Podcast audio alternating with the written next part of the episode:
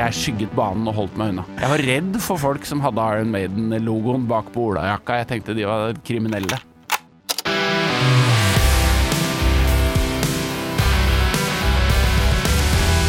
Gammal Maiden.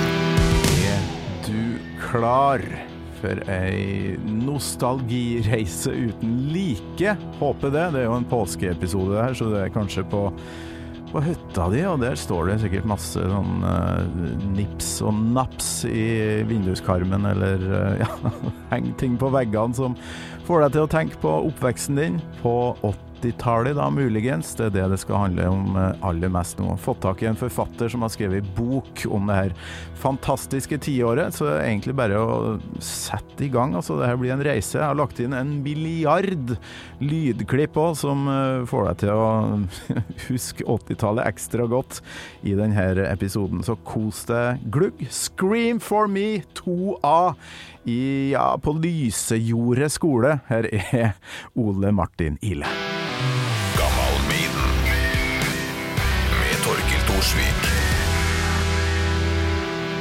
Hjertelig velkommen til Gamma Maiden, Ole Martin Ile.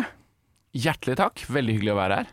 Ja, det her eh, skal bli artig. Av og til så må jeg lage noen episoder som er litt annerledes, eh, for du er vel ikke gigafan av eh, Maiden sånn, i bunn og grunn? Altså jeg regner med at vi skal komme tilbake til uh, dette, men nei, jeg har ikke noe særlig forhold til, uh, til Iron Maiden i det hele tatt, faktisk. Nei, men da må jeg nesten forklare dem som hører på hvorfor jeg har invitert deg i det hele tatt. her, For det er for Maiden for min del handler like mye om nostalgi og 80-tallet, da. Den derre tidskoloritten og alt som foregikk da. Og du har jo skrevet ei bok som jeg nettopp eh, har lest, som egentlig bare fikk hele tiåret 80-tallet til å komme tilbake i, i flommer, rett og slett. Da He-Man kom til Norge, hvordan, eh, hvordan begynte det? Hvorfor har du skrevet den boka her? Nei, altså, det begynte egentlig med at eh, som mange menn på, i min alder, som begynner å nærme seg middagshøyden, eller er vel egentlig passert den Jeg er eh, født i 77, så jeg er 43 år. Så ble jeg mer og mer nostalgisk når jeg begynte å nærme meg 40-årskrisa. Og for meg så er liksom ja, barndommen, episenteret av barndommen, er 80-tallet. Eh, og Så jeg begynte å lese mye om 80-tallet. Jeg begynte å se mye 80-tallsfilm om igjen. Og 80-tallsmusikk som jeg hørte på da, hadde jeg på en måte Det hadde jeg vendt tilbake til for lengst. Og har alltid egentlig vært veldig glad i. Så, så jeg, begynte, jeg begynte å lese meg opp på 80-tallet, og så fikk jeg på en måte en sånn følelse av at fadder, det, det er en bok her som jeg ønsker å lese, som ikke er skrevet, om oppvekst på 80-tallet, og eh, som, som blander det med en slags sånn kulturhistorie om hva som skjedde eh, det, på dette merkelige tiåret. Eh, og det prøvde jeg da å skrive så godt jeg kunne. Jeg hadde en slags idé om hvordan jeg ønsket det skulle være. Og det var en blink som sto langt unna, så prøvde jeg å sirkle meg inn mot den da, og treffe midt i. Ah. Føler jeg traff ganske bra, men jeg kan alltids bli bedre. Du, det der var helt Jeg må bare få sagt det med en gang. Jeg slukt boka, og det er mye på grunn av at jeg eh, husker jo filmene. Jeg husker jo alle dere Ja, musikken, så klart. Dataspillene, Commodore 64, Amiga, alt det der. Eh, Men jeg har aldri reflektert egentlig over hvorfor 80-tallet ble som det ble. Men det har jo du gjort eh, så til de grader her, og det er mye Ronald Reagan eh, can som ligger bak. Mr. President, I don't like the way Ronald Reagan is governing the United States. Det, er liksom, det er et merkelig tiår, fordi at eh, mye av 80-tallet fremstår jo sånn som for, så, så, som så innmari fjern fortid. Altså det var før internett, og det var uh, før mobiltelefon, og det, det var en veldig annen tid, og på mange måter en ganske grå tid. Eh, veldig mye av 80-tallet så jo veldig ut som 70-tallet, på mange måter. Altså jeg, de fleste barnebilder av meg, så har jeg noen sånn jordfargede slengbukser og er kledd opp av mine radikale 68-foreldre. Men så slippes på da markedskreftene løs i samfunnet og forandrer mennesker, og kanskje særlig de ytre, til det totalt ugjenkjennelige. Mm. Så verden blir en sånn eksplosjon av farger og gøy og amerikansk moro som slippes løs på samfunnet i, i, i form av både godteri og musikk og filmer og kabel-TV og alt som unger som vokste opp den gangen syntes var moro. Så det var en sånn voldsom brytningstid som det opplevdes som at fremtiden var kommet. Ja visst. Man setter seg jo ikke bare ned og skriver ei bok. Det her har du jo gjort før. Du har jobba med Harald Eia blant annet, som er en stor helt da, for oss eh, som vokser opp eh, samtidig som deg. Ja, jeg, jeg har jobbet med Harald i mange år, så vi, det prosjektet vi begynte på, var at vi lagde et program som het Hjernevask sammen, som sikkert en del husker. Så da har jeg skrevet, jeg har skrevet noen bøker sammen med han før, blant annet en bok da basert på hjernevask. Ja visst. Du slipper ikke unna det faste spørsmålet mitt likevel. altså Selv om du ikke er gigafan av Maiden, så må du svare på følgende. Husker du første gangen du eh, møtte Maiden på et vis? Enten du hørte en låt eller så et cover eller noe sånt? Det husker jeg veldig godt. Eh, Jeg husker ikke akkurat første gang. Men for meg så var Maiden forbundet med maskoten Eddie. Ja. Det og, og logoen. Og eh, dette, er jo, dette er jo et minne jeg har som går helt tilbake til 80-tallet. Altså det var da jeg først støtte på dem. Og den gangen så var det jo ikke sånn det var jo ikke sånn at du bare hørte musikk. Musikk var ikke overalt. Det var jo ingen som spilte Iron Maiden på radioen. Nei. Og jeg var jo ganske liten den gangen, så jeg hadde egentlig ikke noen særlig venner som hørte på Iron Maiden. Det var for litt større, større barn og ungdommer. Så jeg dømte på Jeg dømte musikken ut fra hvordan det visuelle uttrykket til Iron Maiden var, altså plakaten jeg så logoen, og for meg så var det veldig skummelt. Jeg tenkte at dette måtte låte helt forferdelig, og jeg skygget banen og holdt meg unna. Jeg var redd for folk som hadde Iron Maiden-logoen bak på olajakka. Jeg tenkte de var kriminelle. Ja, men samtidig så kommer det fram i boka di her at du begynner i band, spiller bass, som er liksom, eh, som du påpeker, liksom det kjipe instrumentet som ingen andre ville ha. Selv om i Maiden så er det jo bassisten som er den store helten, Steve Harris. Eh, Men vi må jo få på plass hva du egentlig digga da, på 80-tallet. Ja, på 80-tallet, altså Det jeg begynner med å like, er jo popmusikken. Den, den treffer jo de fleste barn på den tiden. Altså, mu Musikk på 80-tallet blir jo mer infantil og mer barnevennlig og markedsrettet mot barn enn det den var på 70-tallet og 60-tallet. Så jeg likte jo selvfølgelig Michael Jackson, Madonna, Wham, George Michael. Den type musikk. Rosa, fargerik MTV-pop, ufarlig musikk. Det gjorde jo jeg òg. Jeg digga det. Digga det. Men mitt møte, første møte med rocken, utover kanskje Jeg hadde en liten periode hvor jeg var Elvis-fan, for det hørte foreldrene mine på. Men, men utover det så møtte jeg rocken på sommerferie på en bondegård, hvor det var en litt sånn harritas fra bygda som kom og spilte Jump av Van Halen. Ok. Og der foran det tipper jeg må ha vært sånn i 87 eller 88. Jeg var ti år kanskje, og da fikk jeg en opptakskassett med eh, Van Halen 1984-albumet på den ene siden og Diver Down på den andre, og verden min ble aldri den samme. Altså, det har vært soundtracket til sommer og sol og gøy eh, for meg helt siden den gang. Altså, jeg har vært blodfan av Van Halen helt siden da. Det er jo kanskje det første bandet som, som pensa seg inn på det som var svært på 80-tallet, og ha det gøy, som det sier. Og ja, det er mye damer, det er mye drikking, det er mye fest. Mye godt humør. altså Van Halen hadde alltid det smilet om munnen som gjorde dem ufarlig nok for meg. Og, og, og selvfølgelig var det viktig at jeg at nok at Jump var det første introduksjonen med det, som hadde synt og var den mest poppete Van Halen-låta. Som, som på en måte ble en slags sånn rambukk inn til resten av det universet. Jeg tror ikke jeg hadde blitt Van Halen-fan på samme måten hvis Fair Warning på den tiden hadde vært det første albumet som hadde blitt spilt for meg. Det hadde vært for mørkt. Ja, okay.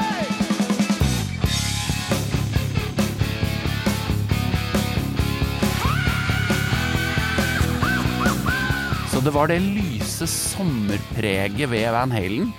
Eh, Popsensibiliteten, David Lee Roth sin eh, eh, morsomme måte å foredra og fortelle låter på. Og jeg følte at dette var en gjeng jeg hadde lyst til å være en del av. Ja. De hadde det gøy og moro og var gale og ville, men uten å bli så Uten å bli for farlig.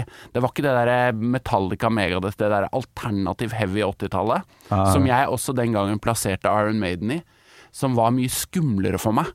Så eh, Van Halen ble et, eh, en slags sånn, et møtepunkt mellom popen og rocken, som ble min inngangsport inn til rock, da. Og også Altså- senere litt mørkere ting. Jump eh, Hvis jeg skulle ha laga ei liste over liksom lyden av 80-tallet, låta som kan Ja, etter ett sekund av låta så kan jeg si 80-tallet! Ja, det det. Og da tror jeg den troner på toppen, altså over Final Countdown og Take on me, muligens kanskje, føler jeg også er en sånn Ja, men hvis vi skal holde oss innafor rocken. rocken, Ja, uh, 10,000 Lovers maybe. ja. det er uh, mm. Og jeg syns å huske når den der Ready Player One-filmen kom, så var det Jump som var på traileren, i hvert fall. Den bruker de der, det er helt riktig. Stemmer. Helt vilt uh, god sånn 80-talls eh, sound her.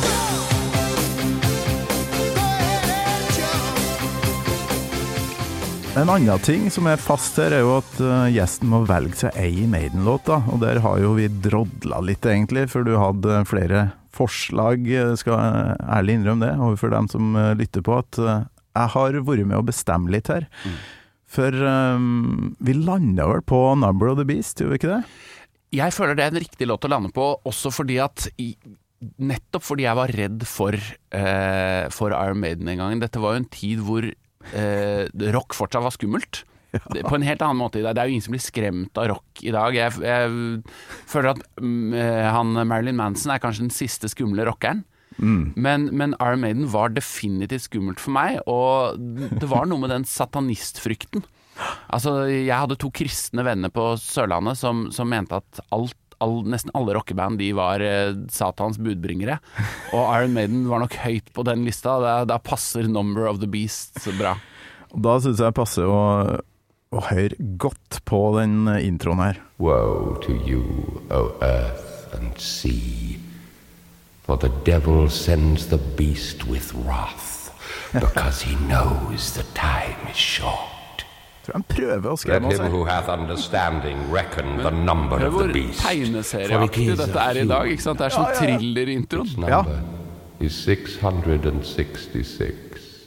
Det er gøy å høre det nå, fordi at den introen her, den fremstår jo som like eh, sånn tegneserieaktig som introen på Thriller, eller det der mellomspillet på Thriller hvor han eh, Vincent Price snakker. Så i dag fremstår det ikke som noe skummelt, men dette var skummelt på 80-tallet, i hvert fall for eh, et barn.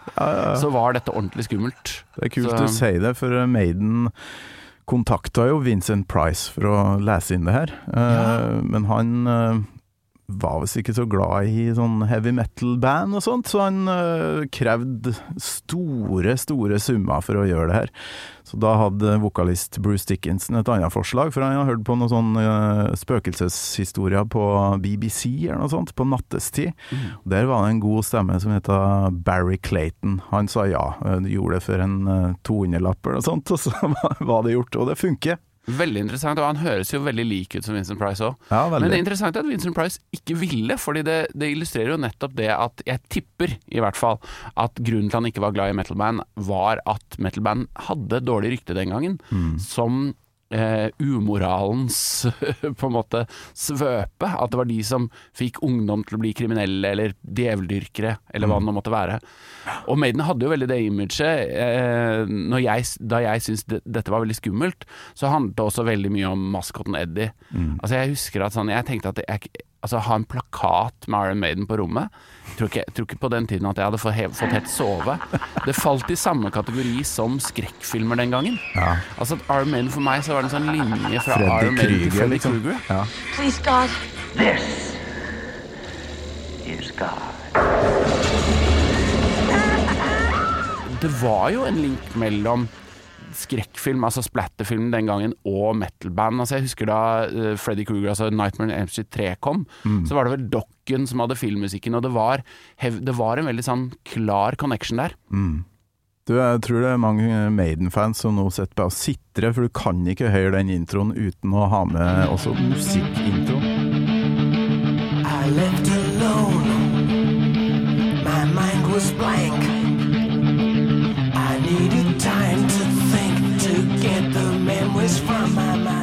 Skummelt, og så er det jo den introen dratt ut fra Johannes' åpenbaring, ikke sant. Du kan gå rett i Bibelen og lese det her etter å ha hørt låta. Det er, det er jo Det var helt perfekt for min del, i hvert fall. Men hvorfor var den satanfrykten så stor på denne tida? Har du funnet ut av det, du som har lest 1000 bøker om 80-tallet nå? Altså, dette var jo en tid hvor, eh, hvor kristenkonservativen eh, var veldig på fremmarsj i USA. Eh, og hvor republikanerne altså gikk mer den veien, men også hvor disse såkalte TV-evangelistene ble veldig store. Altså, du fikk kabel-TV på 80-tallet, brutt opp i masse kanaler, og eh, svære menigheter og sånn kjøpte seg egne kanaler og lagde programmer som er de man kjenner i dag, hvor folk ba om penger, eller som prester som predikanter ba om penger og alt mulig sånn. Og innad i Nå husker jeg ikke navnet på noen av disse, men dette har jeg lest mye om. Og flere av dem var veldig opptatt av heavy metal, og at dette var djeveldyrking. Og det ble, var en av dem lagde en liste eh, over band som hadde da baklengsbudskap i tekstene sine, og det var så å si alle. Og den ble, av en eller annen grunn så fikk litt sånne lavkirkelige miljøer i Norge også, selv om satanfrykten, altså the satanic panic som det ble kalt i USA, Ja. den var ikke like stor i Norge, men det spredde seg litt hit også. Så eh, jeg hadde to kristne venner på Sørlandet, der hvor jeg oppdaget Van Halen for første gang. Og de hadde denne listen og var veldig opptatt av at det var baklengsbudskap i Van Halens musikk, og helt sikkert Iron Maidens også. Og selv om jeg ikke var kristen og vokste opp i en ateistisk familie, så gjorde det der et slags inntrykk. Altså at det okkulte var skummelt. Eh, jeg hadde mareritt i tre måneder etter å ha sett Nightmare on Elm Street. Altså, jeg, jeg klarte ikke helt la være å ikke tro på det. For hvis det var en mulighet for at dette helvete, djevelen, onde ånde fantes, så, så poltergeist, alt dette her, så, så var det for ille.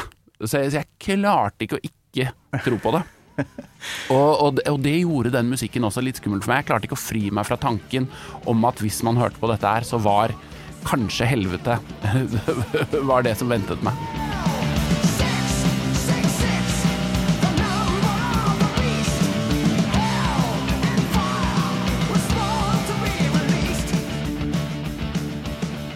Og så hadde du også det derre Parental Resort Center for Music, eller hva det het, som var en gjeng med sånne eh, Washington-fruer. Det var dama til Al Gore, blant annet, Tipper Gore, som var sjokkert over tekstene i eh, popmusikk, og, de, og pop og rock, da, men særlig heavy metal. Og de eh, arranger, fikk arrangert en høring i Washington som endte i dette vi kjenner som Parental Advisory, explicit lyrics-merkingen av musikken. Men de ønsket jo egentlig å merke det med forskjellige kategorier. Altså at sånn, denne plata har sex, eh, altfor mye sex i seg, dette har okkultisme og satanisme, og, sånn at det var forskjellig merking. Og de var jo selvfølgelig viste eh, masse bilder fra videoer av Wasp og alle mulige sånne skumle band. Så, eh, så, så alt det var en voldsomt trøkk mot metalen den gangen, som, som gjorde at, uh, at det var skummelt, og som påvirket også moren min. Som var litt sånn, Hun hadde hørt historier om at uh, barn som tok livet sitt pga. de hadde hørt på Judas Priest, eller hva det nå måtte være. Så det var Jeg fikk liksom ørene Alt dette her sev inn i bevisstheten min fra ulike kanter, da. Ah. Og det som skjer her da i 1982, når Number of the Beast kommer, så er det masse oppslag, det er reportasjer om eh, Iron Maiden, og de gnir seg i hendene. Inn i studio lager Peace of Mind med nytt bibelvers på coveret, og ikke minst pga. grunn av dette baklengsfokuset, som er veldig rart, så, så tok de med en sånn eh, liten intro til ei låt som heter Still Life, og den må vi jo nesten høre på.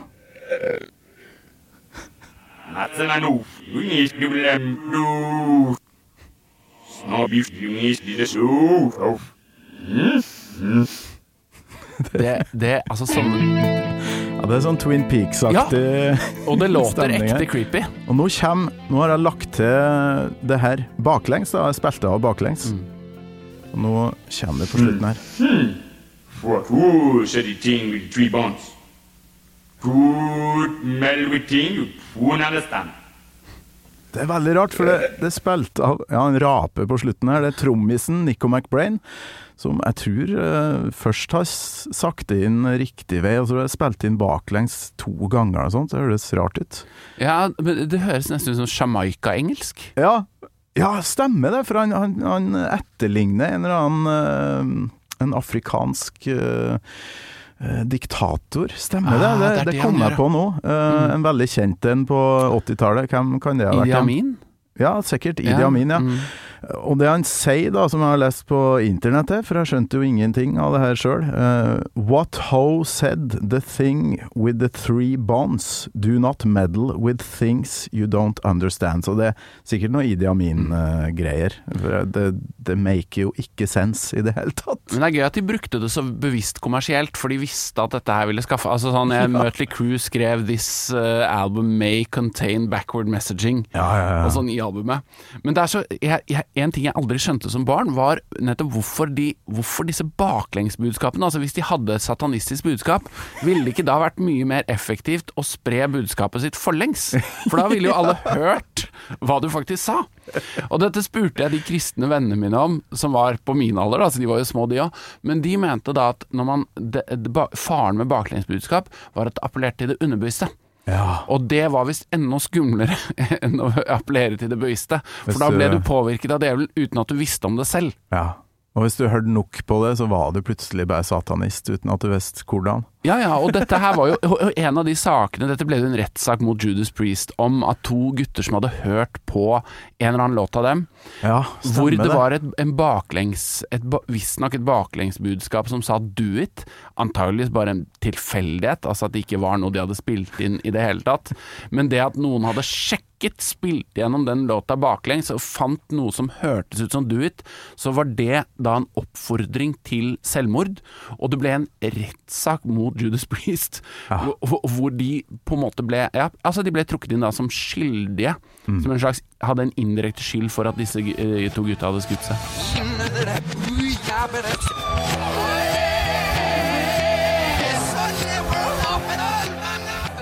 I think he was affected by the music he was listening to. Are there subliminal duets on the Better By You, Better Than Me song? Absolutely not. Samme med Ossie Osborne og Suicide Solution-låta hans, ja, som òg ble rettssaka og styr og stell. Han ble heldigvis frikjent, da. Det, det var mye galskap på 80-tallet, men såpass eh, gæren var vel ikke rettssystemet i, i USA heller. Nei, men det, det var en veldig sånn sprø tid. Jeg, altså sånn uh, Heavy metal-band var koblet inn i rettssaker ganske lenge. Altså sånn 90-tallet Og så husker jeg denne dokumentaren Paradise Lost om tre gutter som blir dømt for et drap på to små barn. Og da er det også det at de har hørt på Metallica som en sentral del av rettssaken. Så det var et eller annet med at man hadde ikke Jeg tror man ikke helt hadde oversikt over påvirkning Altså om man var så usikker på hvordan dette kunne påvirke ungdom. Den frykten fra 50-tallet og ungdomsopprøret på 60-tallet og sånn, den lå der sånn Den var så innmari tydelig fremdeles. Så man, eh, så man tenkte at det, altså, å høre på rock, det kunne fortsatt føre deg Gjøre deg ganske gal, trodde man.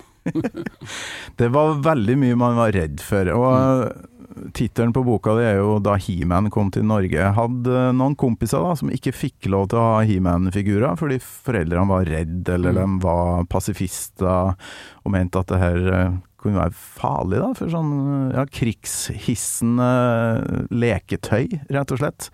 Og det er jo den He-Man-tittelen som drog meg inn i boka, for jeg hadde jo figurer.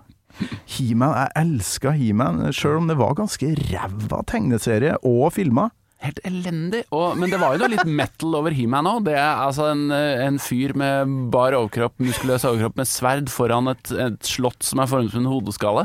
Kunne nesten vært coveret på, på et Maiden-album. Ja, eller Maiden er ikke så mye sånn eh, Faktisk ikke så mye slott og sånn, men Manowar.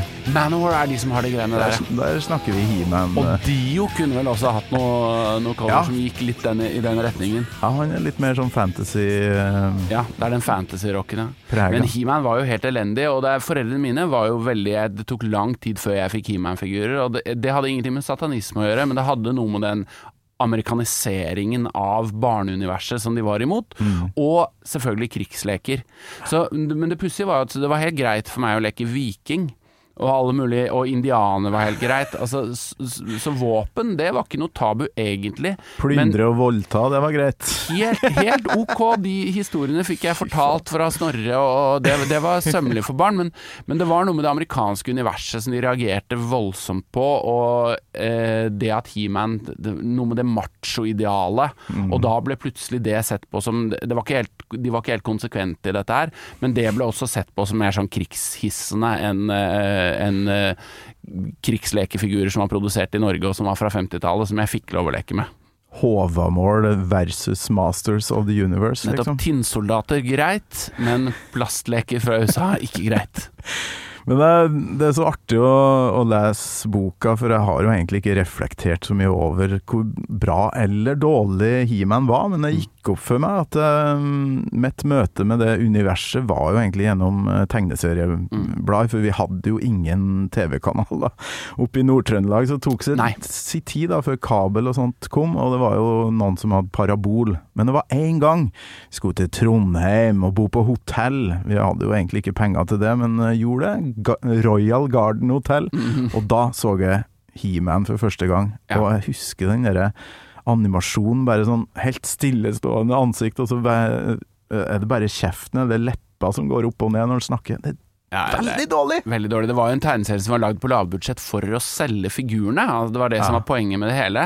Men sammenlignet med det NRK-universet som vi var vant til, hvor det ble sendt pedagogisk dukketeater eller noen tsjekkoslovakiske tegnefilmer som var sånn svart-hvitt eller noen matte farger og strekfigurer som beveget seg over skjermen, så var det noe, det var noe så nytt og fantastisk med dette Eternia-universet i He-Man, hvor det var krig. I hvert fall skjøt de på hverandre med laserpistoler og fektet med sverd. Altså, det var noe som du ikke så så mye av på, på det med sånn NRK eh, barne-TV, som var mye mer sånn eh, Som hadde en klar pedagogisk tanke med hvor, hva som skulle sendes. Ja. Men hva, er, hva var egentlig greia med den herre um, Alle filmene og alt som egentlig ikke var lov, da. Det var jo det eneste uh, eksistensen min gikk ut på på 80-tallet, var å prøve å få lov til ting. Og få se Rambo, få se Rocky, uh, Over the Top med uh, med Stallone. Stallone og, og håndbakbryting, ikke sant. Uh, nå ble det mye Stallone her, og det er fordi jeg var gigafan av Stallone. They drew first blood, not me. Look, Johnny. Let me come in and get you the hell out of there. They drew first blood. Hvorfor appellerte det så utrolig til unger, da, når det egentlig var 18-årsgrense på mye av det? Ja, altså det der er veldig pussig, men filmene og eh, Men altså Hollywood-filmer på 80-tallet ble jo De ble jo veldig opptatt av å få et yngre publikum. Altså De så hvor Star Wars var på en måte den banebrytende filmen der, og hvor man så hvor mye man kunne tjene på å lage filmer som appellerte til barn. Så selv filmer som Rambo, så skjønte man når video kom at dette her kan man tjene veldig mye penger på, for barn ser ting om og om igjen. Og de vil leie det mange ganger, storebrødre vil leie til dem. Så, og for å markedsføre det mot barn, så ble det jo lagd Rambo tegnes, eh, tegnefilm etter at filmen kom. Rambo lekevåpen for barn. Så selv om dette tilsynelatende var en film som skulle appellere til voksne, så var det fra 18 år og ned at kjernepublikummet lå. Ja. Jeg husker så godt at eh, For det var jo Topp og OK og de magasinene der vi, vi fikk lov til å lese. Men sjøl i Topp, da. Masse bilder av Rambo, og når Rambo 2 kom, så var det et bilde av eh, Stallone som senkes ned i sånn gjørme med ja. Ja. blodigler. Rambo 2.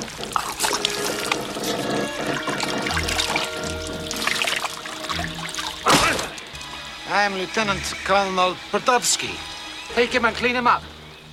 Det er klart at våpen og krig har en sterk appell til unge gutter.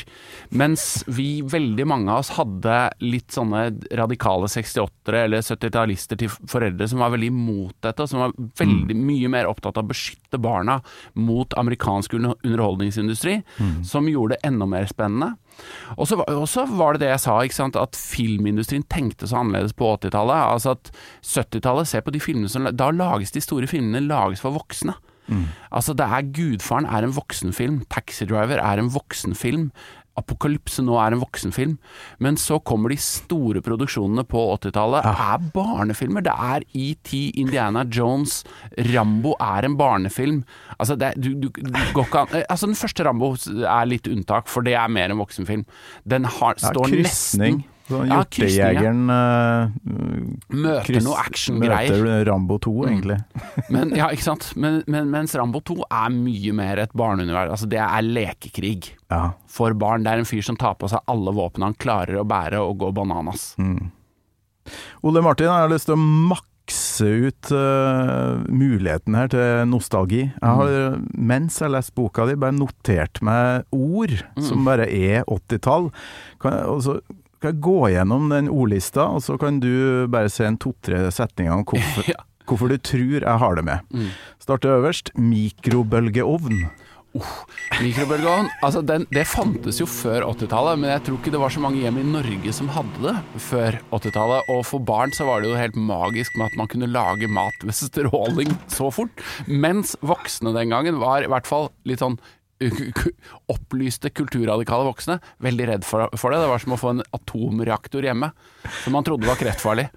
Og det eneste vi brukte den til, var ostesmørbrød som vassende. Selvfølgelig. Og så kom det noen sånne ferdigprodukter etter hvert, sånn hamburger og sånn du kunne se som var helt grusomme. Eh, Neste. BMX.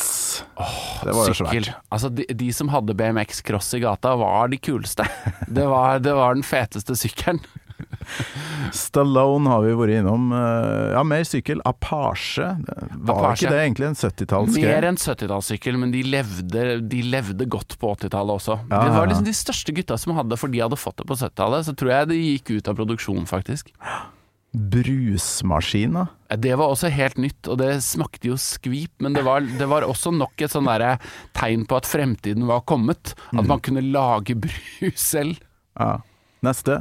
Hulk Hogan. Hulk Hogan, altså wrestling på grunn av ka at kabel-TV blir så stort på 80-tallet, så blir wrestling megasvært. At man får en nasjonal wrestlingserie, Wrestling Mania og de greiene.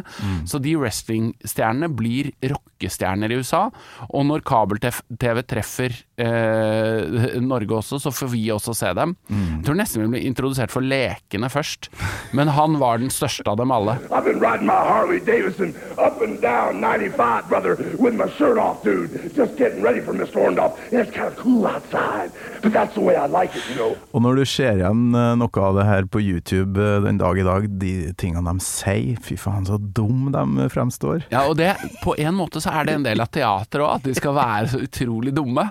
Men eh, ja, det var, det var en rar form for underholdning. Ja, et par eh, sånn fotballrelaterte her. Hillsborough, så klart, er Liverpool-fan, og ikke minst Paul Gassa Gascoigne. Mm. Altså, det er jo Fotballtragedier var jo en stor greie på 80-tallet. Altså, stadionene var veldig farlige. De var bygd av tre, og de, holdt på, å de begynte å bli gamle og holdt på å ramle sammen. Ja. Så det var flere. Det var brann, og det var overfylte tribuner hvor det ble trengsel og folk døde. Så det gjorde veldig inntrykk på meg som ung. De fotballtragediene husker jeg veldig godt. Og Ja, de bildene som var i avisen etterpå, sånn etter Hillsborough og sånn. Det var utrolig sterkt. Og Paul Det var Gassinger sånn TV-øyeblikk som du bare tatovert på netthinna. forferdelige ulykker som ja, virkelig sånn, sånn Jeg vil ikke sammenligne det med 11. september, så klart, men jeg tror faktisk at det gjorde like sterkt inntrykk på meg pga. den alderen jeg var i. Jeg hadde liksom aldri sett mennesker dø, og plutselig så får du det rett inn i stua i nyhetsbildene. Og på Gassinger Scoin, selvfølgelig. En spiller som vi, altså På 80-tallet så kunne fotballspillere være så mye mer utrente. Så det er, så, det, er, det er funny å se på klipp på YouTube også av fotball den gangen, hvor treigt det går, og hvor mye mage Gassa kunne ha og fortsatt være en av verdens beste spillere. Dritbra. Jeg kom på noe som jeg ikke tror du toucher i boka. Det er kanskje veldig sent 80-tall, men et annet TV-øyeblikk som har eh, tatovert seg inn her, er jo Ceaucescu når han ble skutt. Ja.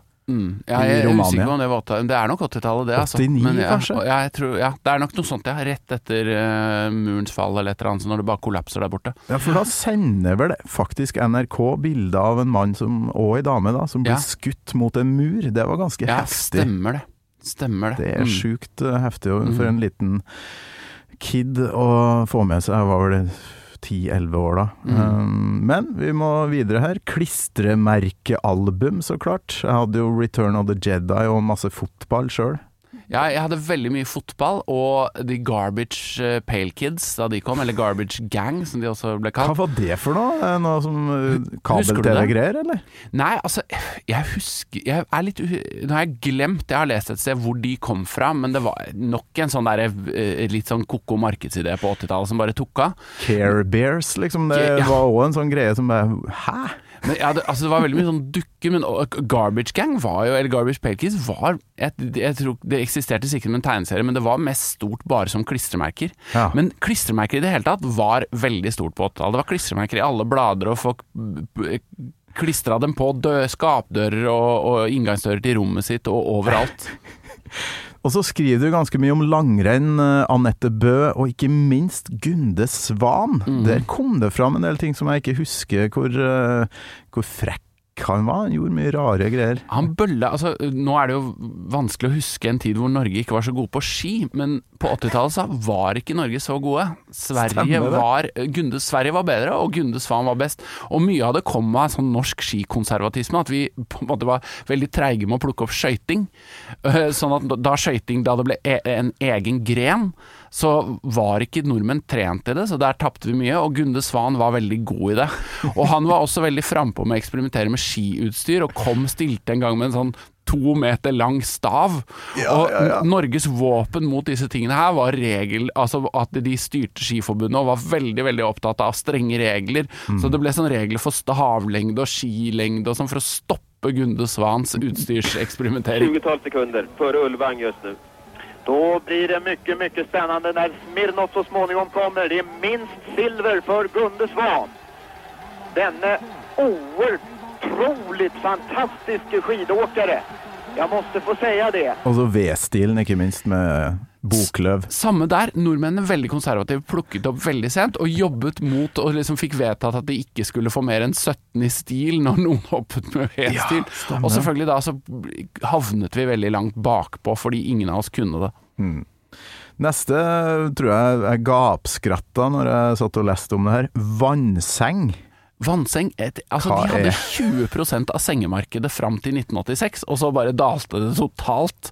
Og det er jo en seng, altså For de som ikke har hørt om dette i dag, som ikke vokste opp på 80-tallet, så var det en seng man bare fylte, en svær madrass man fylte med vann. Og det var jo selvfølgelig livsfarlig på alle mulige måter, fordi at det, Altså ikke livsfarlig, men det kunne virkelig ødelegge et panelgulv eh, og skape lekkasje ned til naboen hvis det gikk hull på den. Og det var selvfølgelig helt umulig å sovne, sove i det. Det, det, var, det var min drøm å sove i en vannseng, men den ene natten jeg fikk i en vannseng, så sov jeg ikke et sekund. For da sov jeg med en kompis oppi der, og det, man skvalpa jo rundt i den sengen så man ble sjøsyk. Skulle være bra for ryggen òg, men det var Bra det for jo ikke. ryggen var, var argumentet. Ja, de fikk det inn på fødeavdelinger overalt, men selvfølgelig var alt bare tull. Eh, Madonna må vi nesten ha med. Madonna, mm, altså sånn i disse dager hvor det er mye snakk om Britney Spears og den dokumentaren som kom på NRK for litt siden, så var jo hun 80-tallets Britney. Bare mye mer selvdreven og kvikk og eh, hadde mye mer kontroll over sin egen karriere. Og skapte en helt en stil som alle små jenter kopierte den gangen. Altså, eh, apropos det å ha pelt i barn. Madonna var helt megastjerne blant unge jenter. Ja. Og her kommer vi til noe som eh, var svært for min del, altså. Karate Kid, kung fu, ninjafilmer. Veldig mye sånn, ikke B-filmer, men F-filmer. Så Ræva ninjafilmer. American var- American Ninja, en av mine favorittfilmer. Altså Cannon, det produ produsenten som het, som filmselskap som het Cannon, de produserte nesten alt av de greiene der som var dårlig. Så de hadde American Ninja, husker jeg, med Michael Dudikoff. For 2,000 years, the sacred art of the ninja has been guarded in the East. remember the day I found you. Now, it has come to the west. Å se det i dag er altså så absurd, fordi det, det er noe sjarmerende med det, for den gangen så var det jo ikke Det var jo ikke animasjonseffekter, eller i hvert fall veldig, veldig veldig lite av det. Sånn at alle effekter måtte jo gjøres selv. Så når en bil krasja, så var det sett på som en ganske svær effekt.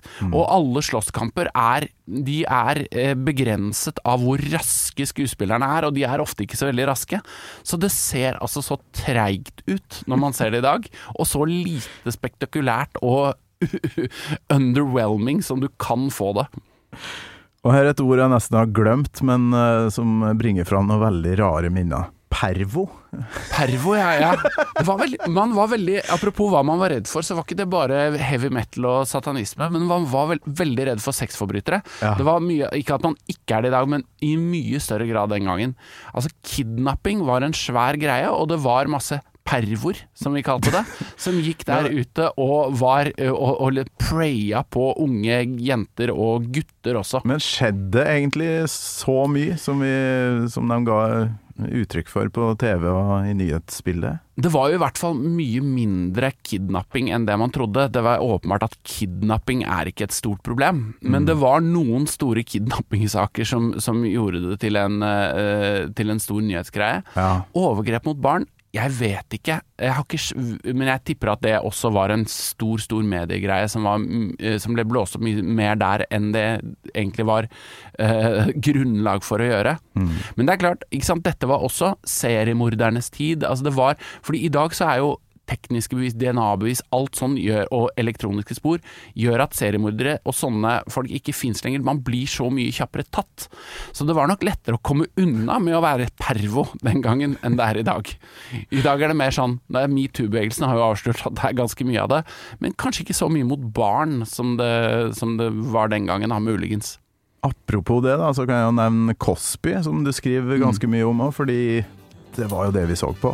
Ja, ja, ja. Det, og det var, det var rart å se, for jeg, i research til den boka så så jeg da ikke hele, men jeg så ganske mye Cosby, om enn jeg kjøpte det på DVD.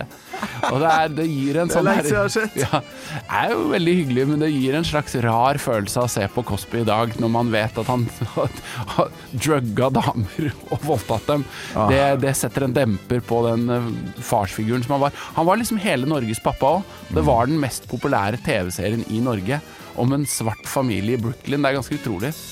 Vi må òg innom Det blir mye pervo her nå, men eh, vi må innom pornoblad i skogen, altså. det, det har vært en gåte for meg, dette har jeg ikke funnet ut heller, men hvorfor det var så mye pornoblad i skogen? Altså En ting var at det kunne være folk som gjemte samlingene sine der, vi gjorde jo litt det, men det lå ofte litt sånn strødd enten i skogen eller grøftekanten. Så jeg har alltid sett for meg at det er sånn rasende øh, kvinner som oppdager pornosamlingen til mannen, og han må ut og bare dumpe den i skogen. Ja, det må ha vært noe sånt. Men det var vår øh, Det var Pornhub var i skogen den gangen. Ja, så man gikk jo turer, altså leita sånne Gikk manngard bortimot eh, kompisflokken, da. Ja, ja, og man visste liksom dette var et bra spot hvor det ofte var porno, pornoblader som man kunne finne. Vi må innom uh, Commodore 64, som var svært for meg, eller Commandore, som, uh, Som han ofte sa. ofte sa. Altså nerder og sånt var jo en greie. 80-tallsgreie. Mm. Ja, det, Mobbing.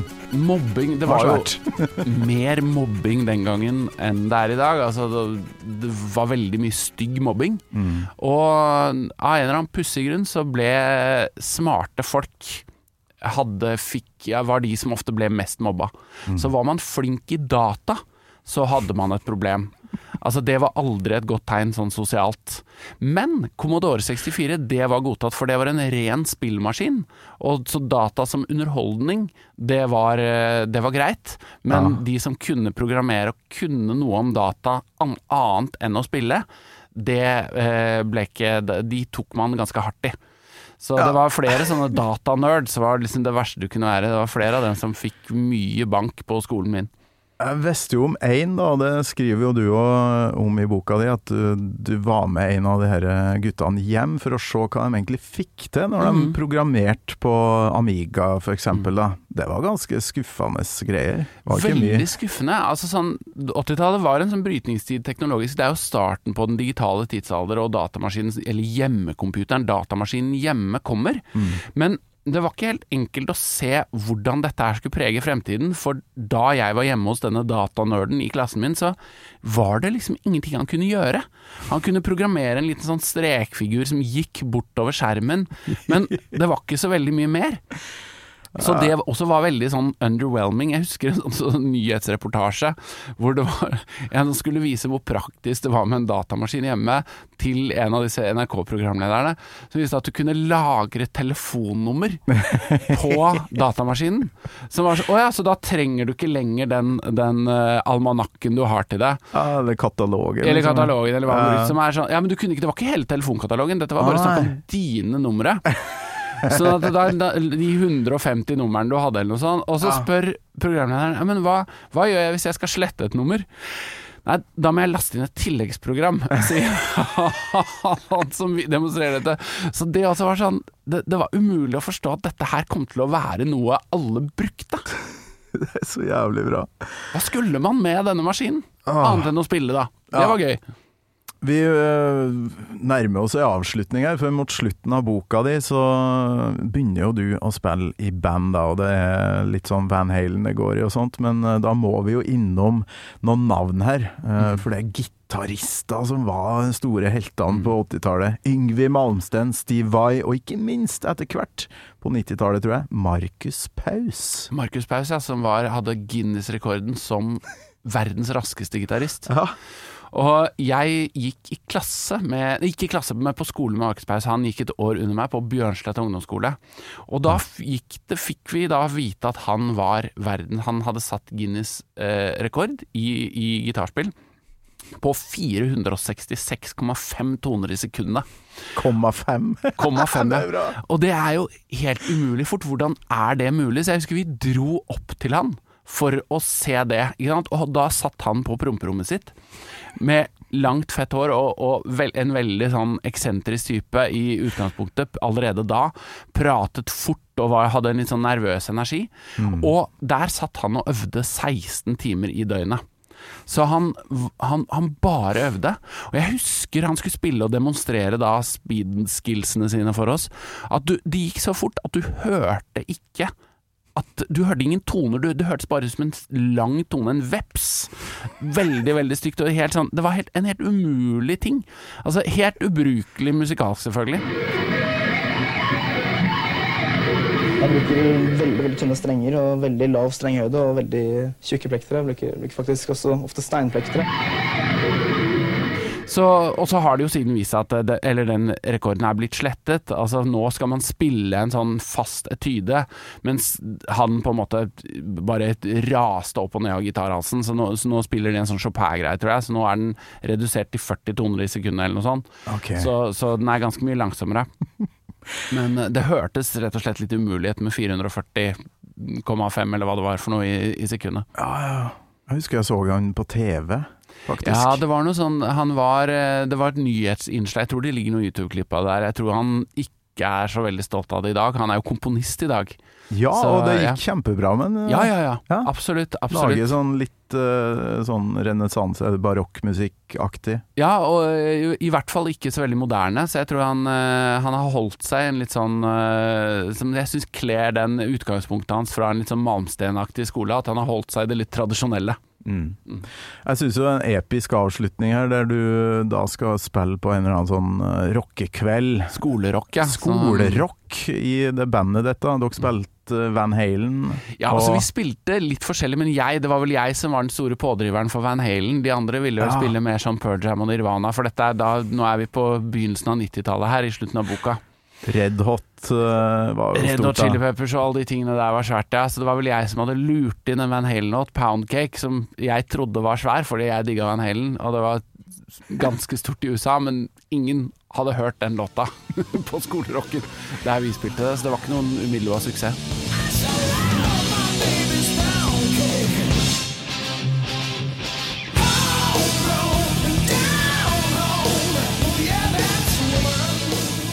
Men der dukker det opp eh, flere band da, som eh, spiller bedre enn dere, syns du i hvert fall. da, Som er kanskje litt større og litt sånn kule gutter. Der er- var noen kjente navn. eh, Han som spilte i Herman-filmen. Ja, Anders. Danielsen Lie han spilte i et band som het Dusjplaster, som var ordentlig, ordentlig bra.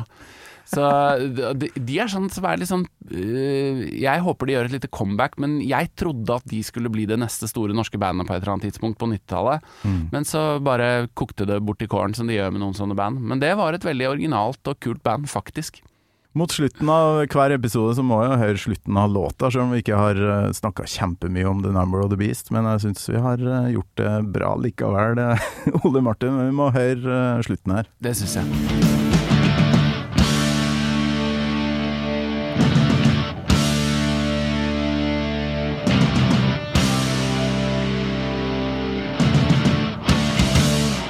«1982». Men eh, ja, for din del altså, avslutter jo boka når 90-tallet er i gang, og da Det var et eh, jævlig tiår for, eh, for Iron Maiden, altså. Det var det for de fleste metalband fra 80-tallet. Det var bare noen få som klarte seg. Ja, Så, var- men, men Iron Maiden ble de For det, jeg kjenner jo ikke det bandet så godt, men ble de tatt med litt sånn Ble de assosiert så sterkt med 80-tallet at de ble litt sånn uhippe når grunchen og sånn kom? Ja, det var Mm. veldig få folk som gikk og så dem, men det var jo mye av um, Bruce Dickinson eh, slutta. Å ja, ja, da skjønner jeg. Mm. kom inn en annen vokalist, men så kommer de tilbake med et smell i år eh, 2000. Så, Ja, nettopp, ja. Så eh, det er noe med enkelte ekte, ordentlige metallband. De, Mm. de dør jo ikke etter 90-tallet, de kommer bare tilbake igjen. Mens andre forsvant mer eller mindre, og de hadde jo ikke den samme pondusen, syns jeg da. Nei, for jeg, jeg tenker jo på Iron Maiden sånn i mitt hode, så jeg forbinder jeg ikke dem så mye med 80-tallet. Jeg tenker liksom mer på Arm Maiden som et band som bare hadde sin stil, Mm. og som de bare kjørte på uansett. Ja, for det er ikke puddel, liksom, eller det, det man kaller puddel, da. Det er jo et grusomt eh, begrep, egentlig. Men, Ja, ja, men, hårmetall, da, det var det jo de ikke. bandene som kom bare i kjølvannet av Van Halen, og som prøvde å være Van Halen alle sammen, det satte jo så enormt preg på 80-tallet. Altså det, det gjorde at metal-sjangeren var den største rockesjangeren. Altså, egentlig, jeg tror metal i 1989 sto for 40% av plateselskapssalget. Mm. Og det var nok mye puddelrockens fortjeneste. Som ble, det ble en ny popsjanger, på en måte. Det var en av de mest populære sjangerne. Og når grunchen og alternativrocken kommer på 90-tallet, så er det jo en veldig sterk reaksjon på den. Så alle de bandene man forbinder med 80-tallet, de forsvinner jo. De klarer ikke den overgangen, og blir sett på som Altså, de er pariakastet innen rocken. Uh, Van Halen ikke så mye, men litt det, og jeg merket veldig tydelig som Van Halen-fan at det ikke var hipt. Mens Metallica Megadeth, Antrax, de bandene som bare hadde stått på sitt og vært litt sånn undergrunns og mørke og ekte, de klarte seg bra gjennom den overgangen. Og jeg, jeg har alltid tenkt at Iron Maiden ville klart Altså var en av dem, på en måte. Til slutt, Ole Martin. Vi er, jeg er 42, du er 43. Mhm. Eh, Jeg har starta en podkast som heter Gammal Maiden. Du har skrevet en bok om eh, hele 80-tallet. Hvorfor eh, gjør vi det her nå, tror du? Jeg tror vi akkurat er i den alderen hvor barndommen er Det er såpass lenge siden barndommen at den begynner å man, de, de, Minnene begynner å bli fjerne og få en ny mening. Så det er liksom Man vil litt tilbake til ungdommen og gjenoppleve de gode minnene man har derfra, da. Og mimring gjør man jo best i tospann, så hjertelig takk for at du kom og tok meg med på 80-tallsreisa di, Ole Martin Ile. Det var kjempehyggelig. Du er veldig hyggelig. Takk for at jeg fikk være med. Gammal Maiden med Torkil Thorsvik, en podkast fra Radio Rock.